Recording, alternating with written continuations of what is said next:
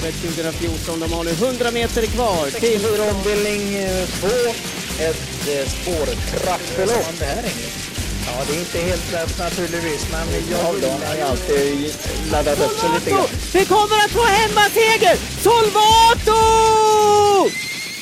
Hejsan på er och varmt välkomna till det 72 avsnittet av podcasten Travkött där vi snackar om tävlingarna som sker på Åbytravet. Travkött sänds i samarbete med Mölndalsposten, Mölndals bästa, vackraste och finaste tidning. Jag heter Kristoffer Jakobsson, jobbar på Åbytravet. Vid min sida Åbytravets travkunnige Sören Englund. Fin presentation. Tack så mycket. Du vill ju bli kallad travkunnig. Absolut, absolut. Och det ger ju lite extra roligt då. För om man kommer till en travbana och man säger travkunnige personen. Ja. Det är ju en person. Då är det ju egentligen att du är den enda på Åby som begriper någonting om trav. Finns det en liten pedagogisk touch i det som inte är så dumt? Jag gillar ju det som är pedagogiskt men eh, jag, jag, jag, jag håller väl med dig lite grann i vad du, hur du tänker. Men jag säger varken ja eller nej på den frågan. Det här är ju eh, enligt många världens bästa travvecka. Och vi är ju Åby-patriotiska i, den här, i det här forumet. Så då är det givetvis att Leif Mannerström kommer till oss eh, imorgon onsdag, alltså den 22 maj. För 395 kronor så är det skaldjurskväll med Mannerström. Han står där framme och surrar lite hur han har lagat eh, till maten. Han har liksom vin och grejer. Det är en, det är en hel kväll. Verkligen. Dessutom så hinner man titta på eh, travloppen. För det kommer liksom gå lite i hand i hand. Så man tajmar det. Dessutom, jag är ju lite ironisk, eller rätt så mycket ironisk. Det är ju Elitloppet i helgen. Ja, och är vad, vad Elitloppet betyder i helhet. Det är ju ett lopp och det är hur det loppet där kanske grannen som aldrig kollar på trav tittar på trav just för det är enkelt att förstå Elitloppet. Eh, sen så är det ju en hel helg med massa bra lopp för oss som är lite mer intresserade. Så Mm. Ja, det är ju. Det är en härlig vecka det här. Ego Boy tog in eh, travet i vardagsrumssoffan. Då snackar vi 73. 73 ja. Det var ju då, då pratade alla om plötsligt om Ego, Ego Boy och trav eh, efter det. Men då fanns det bara en tv-kanal. Två. Ja, nej, en, en, en. Jag tror det var bara en. Ja. Ja. Vad hette Ingmar? Vad hette kusken? Ingmar Nordström? Ingemar Olofsson. Olofsson? Ja, ja. Och så var det... Dalkar. Dal, Dalakar. Ja, Rättvik. Rättvik, han ligger begraven på Rättviks innerplan. Ja. Vad hette Flower Child och Joe Bryan var det Joe? Bryan? Ja, ja. sådär. Det var Elitloppet 73 alltså. Är det är en grym helg.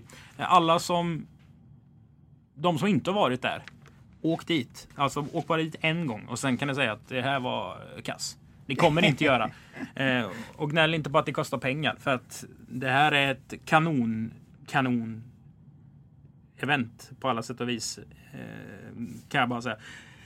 Eh, och man kan eh, uppleva det på så många olika sätt. Man kan vara där för det sociala och den biten. Eller man kan vara travfrälst. Eller vad man nu vill göra. Så det är Bra fantastiskt. du säger det. Travfrälst gillar jag det uttrycket. Ja, det är Sören också. Ja. Om man vill ladda upp lite så är det ju alltså V86 som är huvudspelformen på onsdag. ATG kör ju den. Det är dubbeljackpot. Det betyder att det är mer pengar i potten.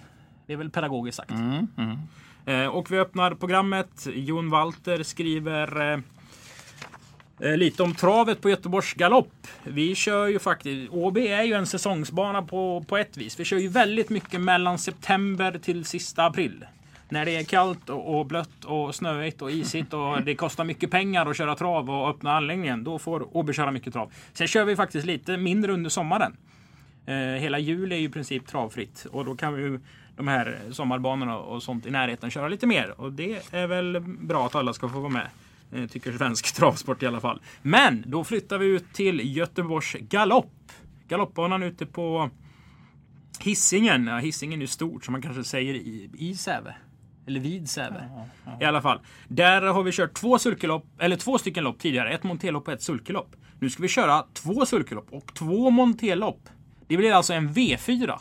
Och det finns väldigt många som säger i Sverige ja det är, det är för monotont. Det är tusenmetersbanor och eh, det är speedwaytrav och all, all, allt liksom. Här snackar vi ett upplopp som är 600 meter långt. Det är gräsbana. Ja, det, det finns, som jag fattar det så finns det någon slags genväg i sista sväng där som man kan ta alltså. Så en rolig V4 söndag den 23 juni. Dessutom är det galopp. Eh, alltså en galopptävling. Om man inte varit på det. Sen kan man liksom mixa det här. Och Sen har jag fått, eh, jag har inte provat det själv, men de som har ätit grillbuffén som är på galopptävlingen i tältet, de säger att den är femstjärnig. Mm, ja, den är inte dum alls. Men, har du ätit den? Ja, det har jag gjort. Men eh, det har varit olika nu hela tiden på slutet. Olika är du på galoppen varje... Ja, jag försöker. Om jag inte har något annat för mig så åker jag gärna dit. Det visste tar jag inte. Tar någon timme där helt enkelt. Nej, men jag har ju många kompisar som är ute på galoppen. Jag kan ju inte läsa ett galoppprogram. Nej, nej, nej, det behöver man inte kunna. Du behöver inte ja, vara... men det är väl rätt så ja. konstigt om man är... Och jag är ändå uppvuxen med det här eh, TV4-svepet som var... Vi kollade på travet mellan 6 till 7. Ja. Eh, jag och pappa. Sådär. Och då var det ju komben var ju väldigt så här att de red, mm. kom, gick väl in för dagens dubbel och sånt där och så refererade de. Då var det ändå lite mer galopp i travsändningarna. Mm. Så att man borde fått den kopplingen. Så att eh, lär er galopp för guds skull. Det är säkert jätteroligt. Det är väldigt mycket siffror i alla fall. Mm, och det så det borde ju passa mig väldigt bra. Ja, det borde ju passa dig ja, som handen i ja. handsken. Eh, Men jag gillar ju det där med sista 700 efter 8,5 bättre för jag har lite mer att ta på där. 23 juni eh, alltså. Jag tror det är lördagen efter ja. midsommarafton. Är det en lördag? Är det inte söndag? Nej, söndag menar jag. Söndag. Eh, och då kör Kalmar V75 så man kan ladda ja, upp lite där. Ja. Sen är det ju eh, för andra året i rad då. Åby Nordic Monte Trophy. Alltså det här Monteloppet. Där vi såg Beminde Oll eh, bösvinna förra året. Den hade vi ju faktiskt med i Olympiatravsmontén. Och Sören sa ett citat som jag aldrig trodde Sören skulle säga. Att man behöver inte kolla hästens formrad i det här loppet. Du sa nej, att nej, den nej. skulle vinna ändå. Det gjorde den inte. Nej, nej, just det. Men vissa gånger så överreagerar man och kollar för mycket helt enkelt. Så det finns inget att kolla kanske på vissa hästar och då, då bör man rimligtvis lägga ner uh, den tiden det tar att försöka att jaga upp uh, kommentarer om den eller uh, syn på vad den har gjort i loppen. För det kanske inte kommer att ge någonting. Så kände jag just då. Det är ett montelopp alltså. Vi kommer köra försök på Värmo, Bjerke, Solvalla och eh, Ålborg. Så de har fått kvala in eh, och finalen rids om 300 000 kronor till vinnaren. Eller 60 000 dollar i purse som man hade sagt i USA. Om man ska eh, ha en dålig växelkurs eller bra växelkurs kanske blir på, på vilket språk det man nu pratar. Kronan är ju svag. Mm, den är ju det för dagen, ja det har du rätt i. Eh. Men det är väl ingen som vi ska diskutera om kronan är svag eller stark. Men det är väl rätt att den är svag. Allt vad som man kan göra som är annorlunda är bra. Så. Ja. Eh, dessutom eh, så ska vi innan vi öppnar upp programmet och snackar de hästarna som startar på onsdag. Trav är ett uthållighetsspel. Det brukar Sören säga. Olympiatravspodden vi hade med Rickard Hansson. Det var Sörens bästa drag på hela omgången. Carl Me Sally Örjan Kihlström. Den stod i 22 gånger när loppet gick och den vann inte. Nej. Men den vann igår. Det var inget bra tips tänker många. Men Nej. följer man upp det här. Trav är ett uthållighetsspel. Man ska fortsätta tro på sina idéer. Så fick man 8 och 90. 8.38. 8.38 Det vet jag exakt. För du hade spelat? Ja. ja. Dessutom var det en ganska fin V4. Oj, oj. Det blir, du bjuder på skaldjurslunch ikväll. Eller idag kanske? Om, det, man hör dina ord mellan raderna. Jättebra jobbat av eh, Mikko Au. Gick 11,8 hästen. En eh, fin, fin tid. Och Ove Grundegård är det som äger hästen. Grattis säger vi till Colmiselli och bra... Såld. Är den såld? Ja, till Mikko. Mikko har köpt eh, med ett gäng eh, tydligen. Så det står alltså i mantalsprogrammet eh, Stråvalla Häst AB ägare och så inom parentes Mikko Au. Så där, ja. visste inte jag. Ja, men det ja, spännande Programuppgift, programuppgift. Visst, då stämmer ja, det säkert. Ja. Eh, vad bra jobbat till dig då. En gång till. Ja, du hade, ju, eh, du hade ju ett bra tips i grunden någonstans. Ja, visst. visst. Men det, alltså grunden är nog inget större fel på någon gång egentligen. Sen behöver det inte alltid vara rätt. Sen det behöver inte alltid ge resultat den veckan jag säger det. Men inom några veckor kommer det att ge resultat, som ju Colmy Sally visar här. Mm. Eh, vi ser kvalloppet på sidan 11. Mm, Maria Törnqvist har två treåringar. Boremannen har Stacks on Stacks Bore. Vad var det för namn? Stacks on Stacks. Det låter amerikanskt. Ja, det gör egentligen det. Dessutom Peppe Lobran har ju fått in Bowling Triple X från Kristina Melin. Yeah. V75-vinnare med hög kapacitet. Hoppas eh, att Peppe kan få, få ordning på benen på den här hästen. Mm, mm. Nog om kvalloppet. Nu öppnar vi leken den 22 maj. Lopp nummer ett.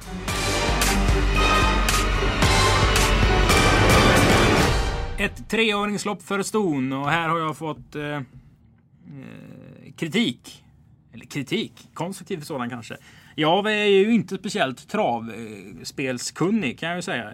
Men när man gör en chansvärdering så ska man inte tänka på vad man ska spela själv. Utan då ska man tänka på vilken häst som står i lägst odds. Nej, den som har bäst chans det har egentligen ingenting med oddset att göra. Men det kommer ju vara så att det, det är ju den ofta som man pratar om som är favorit och då blir den ju lågt spelad. Men du ska aldrig tänka på att den som har lägst odds för det behöver inte alls vara rätt. Jag tänkte lite så här, nu kommer 8 My Lady Grace ut. Och den har kvalat tre sekunder snabbare än vad Untersteins hästar brukar göra. Han kommer köra den i Real Express-färgerna. Tror jag, för det är samma ägare som Mm, helt rätt. Helt rätt. Brobyggnads AB. Det här är ju en superintressant häst, säkert. Och så står den 1,20. Då tänkte jag att är det sommar, det går fort där framme, det är några som har preppat sina hästar. Då behöver den vara rätt så bra för att vinna det här. Och den står ändå med ett stängt bakspår. Efter är det cash och det är voltstart. Eh, Det kan vara lite lurigt. Men då säger Sören, ja ja, springer, den, springer de andra 16,5 så vinner den bara med 30 meter. Du ser vad jag har skrivit hemma där. My Lady Grace. Ja. Alltså så, det, det var bara den som jag var riktigt intresserad av och titta ordentligt på videoupptagning och kvalet var ju extraordinärt bra. Utveckla. 13,5 sista varvet, 12 sista sju. Den bara la sig. Den såg inte ut att springa någonting under tiden. Det roliga var att ehm, jag blev egentligen tvingad att titta på det kvalloppet innan jag visste att Milady Grace skulle starta här. På grund av att Sven-Göran eh, som äger eh, Poet Poet Broline. Broline-gänget, han sa att min, jag har kvalat en jättebra häst utav Broline på, på, på Halmstad. Du måste du gå in och titta på, på i, eh, i lopparkivet och ta fram, eh, ta fram bilder på, på det kvalloppet. För det, jag var jättenöjd sa han. Och sen såg jag att Anna Maja Grej stod, slog en jättebra häst då, som tydligen utav Bulwark är. Antagligen är det en jättebra häst. Men så slog han den med en 15-20 meter. Jutta Bulwark sa du nu. Jutta Broline. Broline. ja. Det får vi... Jota Broline tror jag, om jag inte minns fel, eh, hette Sven-Görans häst. Mm. Men denna försvann ifrån den och såg glimrande bra ut. Och här dyker den upp. Så det är ju bara en krångelstart eller att något konstigt händer från spår 8 som gör att den ska förlora. Jag har ju redan skrivit den som dagens bästa spel på första sidan här i, i, i blyerts och jag har ingen blyertspenna på mig så det är ingen, det är inget troll, eh, trollerigrej här eh, från mig utan jag tar bara det jag har att komma med. Mm. För oss som gillar sport. Eh, Darling Miaras syster är det också. Ja, Ja. och så kan vi lägga till att Svanstedt tränar tre av mammorna till de här hästarna som var, det var extraordinära hästar. Merger Blue Chip Mm. vann väl drottning Silvias. Har eh, dessutom banrekord på Åby för Stona. Trophy Stan tjänar i alla fall en miljon hos mycket-. Ja, ja näst, mer än en och en halv. Och Moonbeam Hanover hade väl 13 raka och sådär. Hon är mamma till 11 Organic Tile. Jättefin, Också Svanstedt. jättefina märrar faktiskt du nämner där. Ja. Alltså det är ett bra nollopp men Ja. My Lady Grace alltså. Ja, Eh, den blir svår att slå om det inte händer något extraordinärt konstigt. Ett monterlopp eh, ingående i Brisis Monté Ryttarserien. 15 gången är V5 avdelning 1, lopp nummer 2. Hur har du sett det här loppet Sören? Ja, jag tycker det är lite småsvårt. Jag kommer att sträcka på lite grann där i V5 första avdelning. Ett gick ro första montéstarten. Det kan vara en helt annat eh, när den springer för ryttare. Den har ju ännu inte imponerat så där, men den var, ju- den var rätt så bra i vintras. Men har inte utvecklats någonting. Nummer sju, eh, Lassa Magic, har hela tiden gått bra i monté. Så kanske det är den jämnaste, säkraste hästen. Så den, kanske ska, den ska väl vara favorit i loppet, tycker jag i alla fall. Elstar Rapida hänger vi ju på li, lite grann på att han har ett stort steg. Och Jennifer Oskarsson rider den nu i monté. Så det, det känns som en farlig outsider. Mm, men här sträcker vi många. Ja, jag tycker nog eh, minst hälften ska man ha med det. V5 avdelning 2. Här ligger jag kvar på att Johan Untersteiner sa i Sulkesports vinternummer eller något sådär när han gick igenom sina treåringar att han hade väldigt höga tankar om ett Gogall. Mm. Den var ute i British Crown för treåringar senast. Kördes försiktigt. Eh, Johan vann själv med den där Erik El, eh, El, I eller vad Erik det the Eel. Deal, Erik Deal där eh, på 13,8 och den här skulle nog köras lite lagom försiktigt och det gjorde den. Man bombar ju inte ut en treåring i Breeders Crown i tredje starten. Om det är en vanlig häst heller. Nej, men där hade de väl ett mål att han skulle vara bland de sex bästa och kvala in Ja, ja. till semifinalen på Solvalla i oktober. Så att det, och det, de lyckas ju bli fyra eh, efter skaplig spurt så att det var väl en rätt matchning tror jag. Kan man spika den här? Det kan du naturligtvis göra för att det, det är en bra chans. Sen om den slår Redneck Woodland som nu är inne i en rätt så fin utveckling och nummer fem Lover Back som också är i en fin utveckling. Det vet vi ju inte riktigt men troligtvis. troligtvis. Spelteori här då. För om Ja. man läser programmet och man pratar, vi pratar lite om galopp och siffror. Då kan man ju enkelt tänka att den sprang tre sekunder snabbare än vad Red Neglavec gjorde senast. Mm. Hur mycket hänsyn ska man ta till tider? Speciellt när det är treåriga hästar som inte har startat så ofta. Så. Eh, Alla kommer utvecklas rätt så häftigt nu närmaste tiden om det är en bra häst och vi pratar om bra hästar på de, de tre hästarna vi har nämnt. De är för övrigt bra allihop tror jag men eh, eh, jag tycker inte du ska tänka så mycket på tiderna där. Framförallt måste du höja upp eh, Googles eh, tid lite grann för det var ett autostartlopp den gick. Så att det, det, är inte, inte, du kan inte jämföra 14-5 på den och, och 17-6 står det väl där va? Mm, det stämmer. Eh, Du måste ju börja med att lägga på en sekund på Google innan du, innan du ehm, jämför dem. Men redan där så ligger ju Google bra till tidsmässigt. Yes. Han ligger långt före eh, Redneck i Woodland men kommer inte... Alltså här är ju... Om man jämför tiderna så är det ju drygt två sekunder mellan dem. Men det kommer inte att vara två sekunder mellan dem i mål om båda är felfria. Absolut inte. Det kommer antagligen att vara ett par, tre, tre tiondelar bara högst. Ja. Vi vänder blad till V5 avdelning 3 och här kan vi ju... Det blir ju en röd tråd nu hela tävlingsdagen för Stena Line hade fullt. När de eh, startlistorna var klara. Om man kollar hur många danskar det är. Mm. Och framförallt så är det, jag tror Peter Jensen och fyra, jag tror Knud Mönster och fyra. 17 är det sammanlagt. Det är vet 17 jag. Ja, danska ja, hästar ja. alltså. Och de här danskarna de är ju i regel bra. eh, Och i regel på ett sätt lite svårbedömda. De är, mm, de är bra inne de som dyker upp i just det här loppet. De är bra inne nästan allihopa och hästar med bra utveckling i sig så att detta kommer att bli ett eh, troligtvis ett danskt lopp. Har Flemming Jensen någonsin haft en massa träning? Han har 9 dollar Rainer. Jag Ja, den är på... bra. Den, bara, och den var ute i årsdebut senast och det var riktigt fint upplopp på den och bara blåste förbi dem ute i banan. Ja, det var, den, är, den är faktiskt svår att gå ifrån som tipsetta. Ja, det, jag tror rätt så mycket på den, men jag varnar egentligen för de andra danskarna också. Jag gillar den där nummer fyra, Drön Victor Molar. Mycket fransk, lite konstiga namn, men eh, det är en, den är precis rätt typ att titta på. Men jag, det jag fanns väl den. en bra häst som hette Victor Molar? I Molar är många, många hästar som har uh, hetat, det, det är ju John Petersens eh, uppfödning. Mm, och titta Och, på den. eh, den alltså... Men jag tror inte, ärligt talat så vet jag inte om det har varit någon Viktor. Ja. Hasse Molar. Ja, Hasse kanske. Ja, eh, Eh, om ni t- tar bort att om man tänker att ja, det är en amatörtränad häst och Ingve kör. Det är mm, så här lite. Kolla oddsen. jättebra häst detta. Alltså jo, jo men den har ju Ja. varit, den har varit påpassad ordentligt. Ja, ja, även visst, om inte den har vunnit varje gång. Så att Nej. danskarna har ju koll på det här. Eh, ja, ni, den är bra. 9, 4, 2, 1.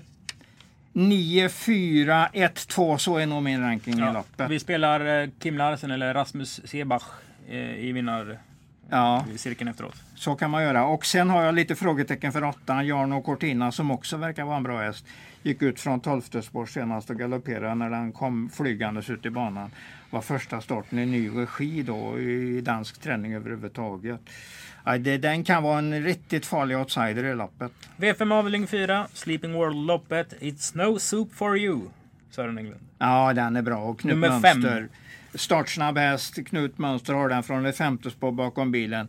Det ser ju bra ut, det gör det absolut. Den har ju en eh, intressant rad så tillvida att den har vunnit fyra lopp och tv- på 31 starter och är fem år. Den har ju startat på den här hästen men verkar ha hittat en riktig form nu. Näst senast så står det ju TR1A. diskat trängning och det var redan 1900 kvar när, när Knut Mönster hade satt den i döden så han tryckte sig förbi ledaren och han gick nog ner lite snävt och eh, domarna tog honom för det sen trots att han vann då med, med någon längd i mål och bara klev undan. Så det är rätt som du säger att han har utvecklats bra på slutet. Justitiemord av domaren?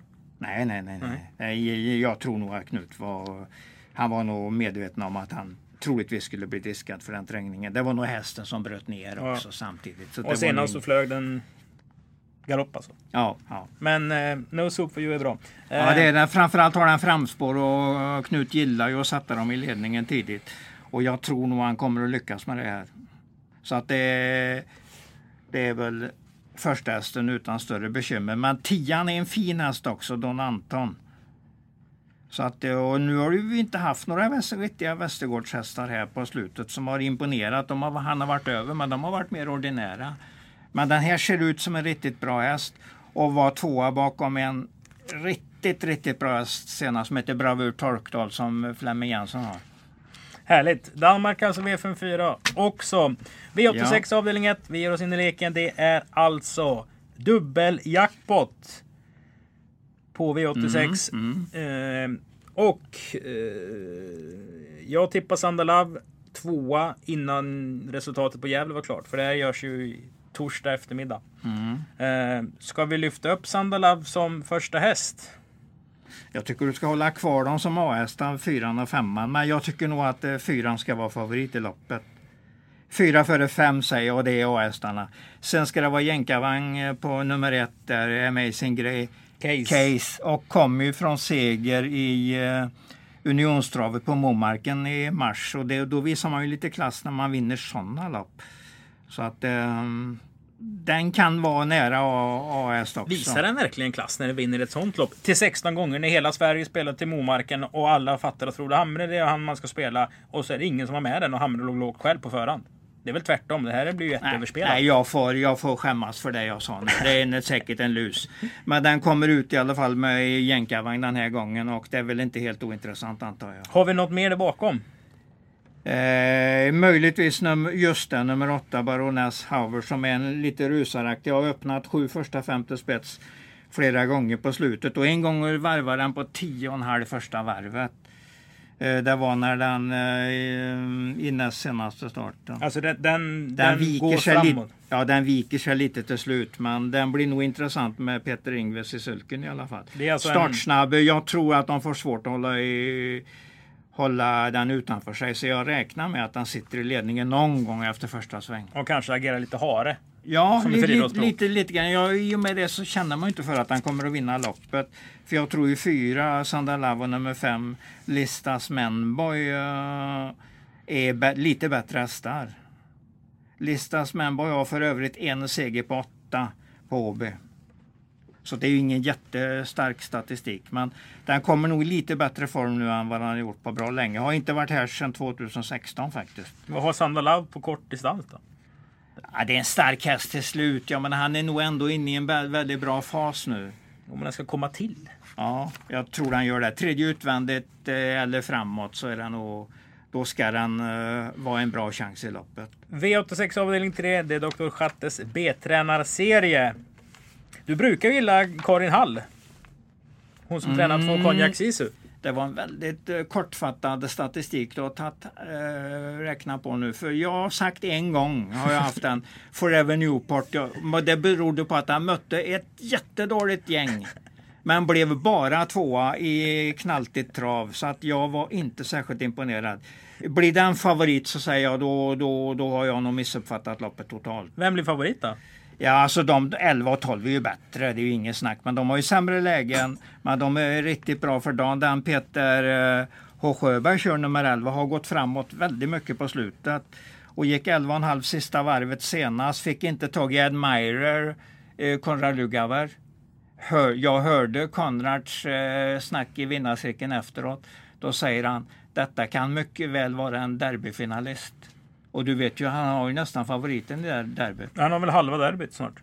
Ja, det är ju ja, ja. kungapokalsvinnaren jag räknar med. Ja, och Francis och... Ja, men denna, han trodde väldigt mycket på Admirer som slog denna eh, Pur the, the Move som gick 11,5 sista varvet. Så att det, var, det var riktigt bra. Så den blir nog min tipsetta i loppet. Men jag är lite rädd för tolvan där som det, det jag har frågetecken för är att han kör den så försiktigt invändigt.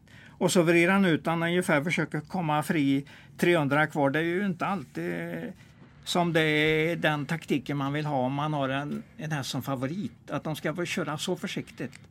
Men den går bra och får väldigt bra resultat. Statistiskt sett så är spår 11 och 12 inte de bästa. Nej, det är de sämsta. Absolut. Vem sitter i ledningen då? Det är väl trean. Det, det är en startsnabb och check häst. Så att den, den kan gå undan rätt så länge. Nummer sju också på Carl Johan Jeppsson igen, Rise Again. Den duger ju gott. Så att, eh, ja. Lite försiktigt kanske man tar med tvåan också i och med att Peter Untersteiner kör. Men jag ser den inte som en häst som ska stå under tio gånger och ha bra chans. Det gör jag inte. Jag har för mig att det var bra surr när Diamond is rough vann något lopp här förra året. Mm. Ja, den får jag nog kolla. Jag har inte riktigt hunnit med det. Jag hamnar på 11-12 tidigt som de bästa hästarna i loppet. Hur många sträckor du på ditt system? Ja, jag tar väl med spetshästen Legacy H. Jag tar med Race Again som jag håller ganska, ganska högt. Och så vet jag inte om jag tar med Konjak Sisu. Jag kanske gör det. Konjak är ju starkt. Ja. Men, men jag, håller, jag håller inte med i någonting du sa om eh, när du presenterade. Ehm, Att du brukar Ja. gå på Karin Hall? nej, nej, för att det var bara den gången. där Den dessutom mötte jättedåligt gäng och lyckades inte ens vinna där. Så att det är det enda gången jag har trott på, på hennes träning. Men hon gör ett bra jobb, får ju ofta börja med dem lite halvskadade och, och får tävlingshästar av dem till slut. Så det är ett bra jobb. Ett bra jobb utfört. V5 avdelning, eller V86 avdelning 5 ska jag säga, är eh, Bilia-loppet. 3140 meter. Det är en, två, tre volter i det här loppet. Och har man tittat på de här loppen så vet man att den som är ledning efter 500 sitter ofta i femte invändigt, 1500 kvar. Ja, så kan det ju faktiskt bli. För de kommer ju ofta någonstans i loppet där de som står vid tillägg och gör en liten attack och vill ha bättre position inför spurten. Nu kanske det blir en sån där en passande uppgift för en Colgjini-häst som har en knepig aktion och att Tengilface kör. Ja, men så kan det vara. Är det en häst då? Ja, det, jag är inte riktigt säker på det, men eh, den ska väl ändå med här på något vis. Jag nästan misstänker att Knut Mönster vill ha spetsen med Bjarne BP, för någon gång tidigt i våras gick han en riktigt fin prestation i spetsen. Eh, sen har han väl inte riktigt följt upp det, men ja.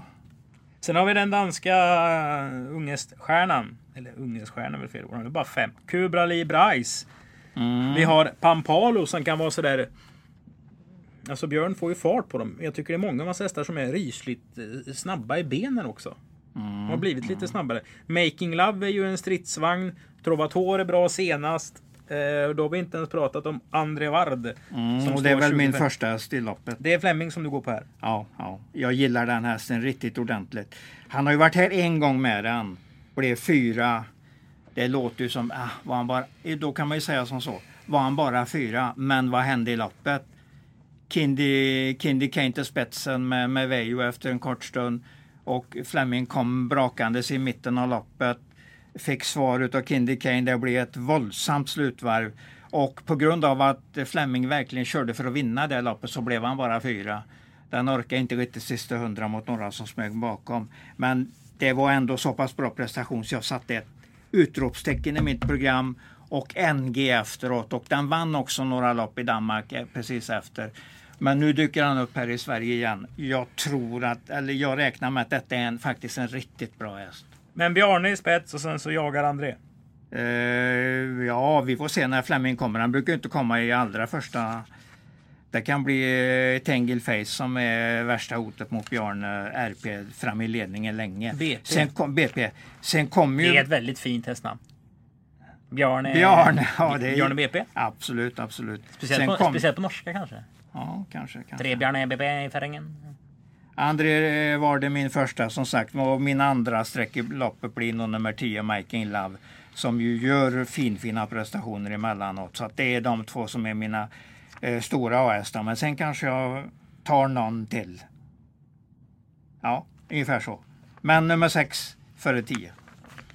V86 avdelning 7 blir dagens dubbel avdelning 1. Ett uttagningslopp till Summer Meeting Oslo där finalen alltså går på Bjerke lördag den 8 juni med 100 000 norska till vinnaren. Är det danskt igen? Mm, det, det är i alla fall en bra chans. Den var ju fin. Bellador tänker du på. Har ju varit jättefin och sen Fleming fick in den där och gjort slarvsut av konkurrenterna. Och var väl rimligtvis på väg mot segern på London också. Här har vi ett inbördes möte på Bellador och Viviörby. Mm. Det alltså, det, man ska ju inte prata om det där loppet som att det vore vilket travlopp som helst. För det var ju bland de sjukaste travloppen som har körts på norra delen av jordklotet Oj. de sista fem åren. Det var alltså det loppet på Charlottenlund, dagens dubbel 2, där de Ja, hade det var lite konstigt. 44 det. segrar av 60 möjliga. Ja. De som startade. Eh, så vann en positiv Steven Häst från eh, Holland eller Tyskland. Mm. Så det Mm, var väl stämmer, liksom det sådär. stämmer, ja. Men hur bra är den i grunden Bellador? Jo, det är nog en ganska fin häst. Fleming har inte haft den jättelänge heller. Han, eh, det är väl eh, segrarna där uppe i programraden som han började i hans träning. Så att den har egentligen aldrig varit dålig och den hade ju rimligtvis vunnit det här fina loppet på Lunden om den inte hade galopperat där. Den bröt ner. Jag tror den fastnade i vagnen faktiskt kort, för en kort stund där. 2.50 kvar ungefär. Men det är, jag tycker det är två hästar. Det är ett och fem. Det är, De som mötte senast. det, ja, precis, precis. Och den börjar ju mycket slarvigt. Vi gör B, B där i starten. Mm. Stod väl längst ut om jag inte minns fel. Ja, är han nu spår 8. Ja, och det är väl inte ja. jättedoserat på, på Lunden som det är i Så Sverige. den, eh, den var en slarv, slarv, lite slarvig aktion och galopperade bort en hel del och sen fick den ju göra en del på det är vägen. alltså ett G som inte finns Nej, nej, med nej, så i var det, så var det.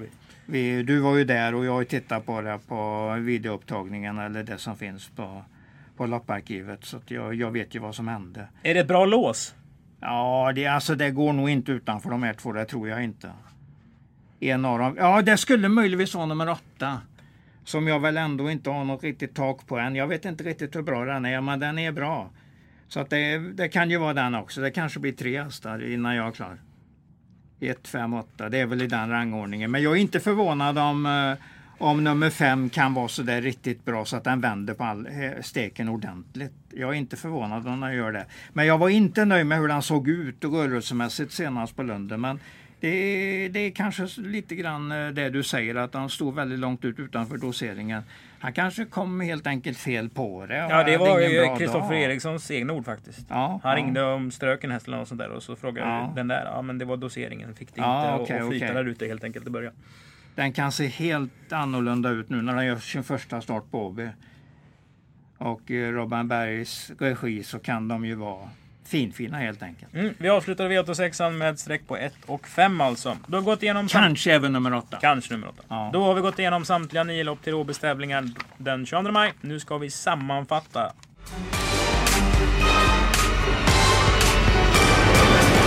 Och det gör vi att Sören får eh, presentera tre stycken spel. Det brukar vara vinnarspel. Det har varit något tvillingspel i, på 72 Mm, ja, jag har starter. ly- lyxat med den. På någon gång. 72 avsnitt. Men nu eh, kör vi alltså dagens tredje bästa spel. Det hittar vi i loppnummer, Åtta. hästnummer, André, nummer sex, André Ward. Det, det är andra starten jag gör på Åby. Eh, jag ser inte att den inte ska vara bästa hästen i loppet helt enkelt. För dagen bästa hästen. Jag tror spel. den är ordentligt på väg uppåt nu också. Efter den eh, Lundenstarten där så tror jag nog formmässigt eh, ska den nog vara fin fin på imorgon på onsdag. Ett bra spel alltså. Ja. André Ward i Ja. lopp nummer 8. Dagens näst bästa spel. Ett mycket bra spel. Var hittar vi det i Englund? Ja, vi kan hitta det i, ehm, i den här ehm, Dollar Rain faktiskt. Då är vi på Flemming Jensen igen. Ja, ja.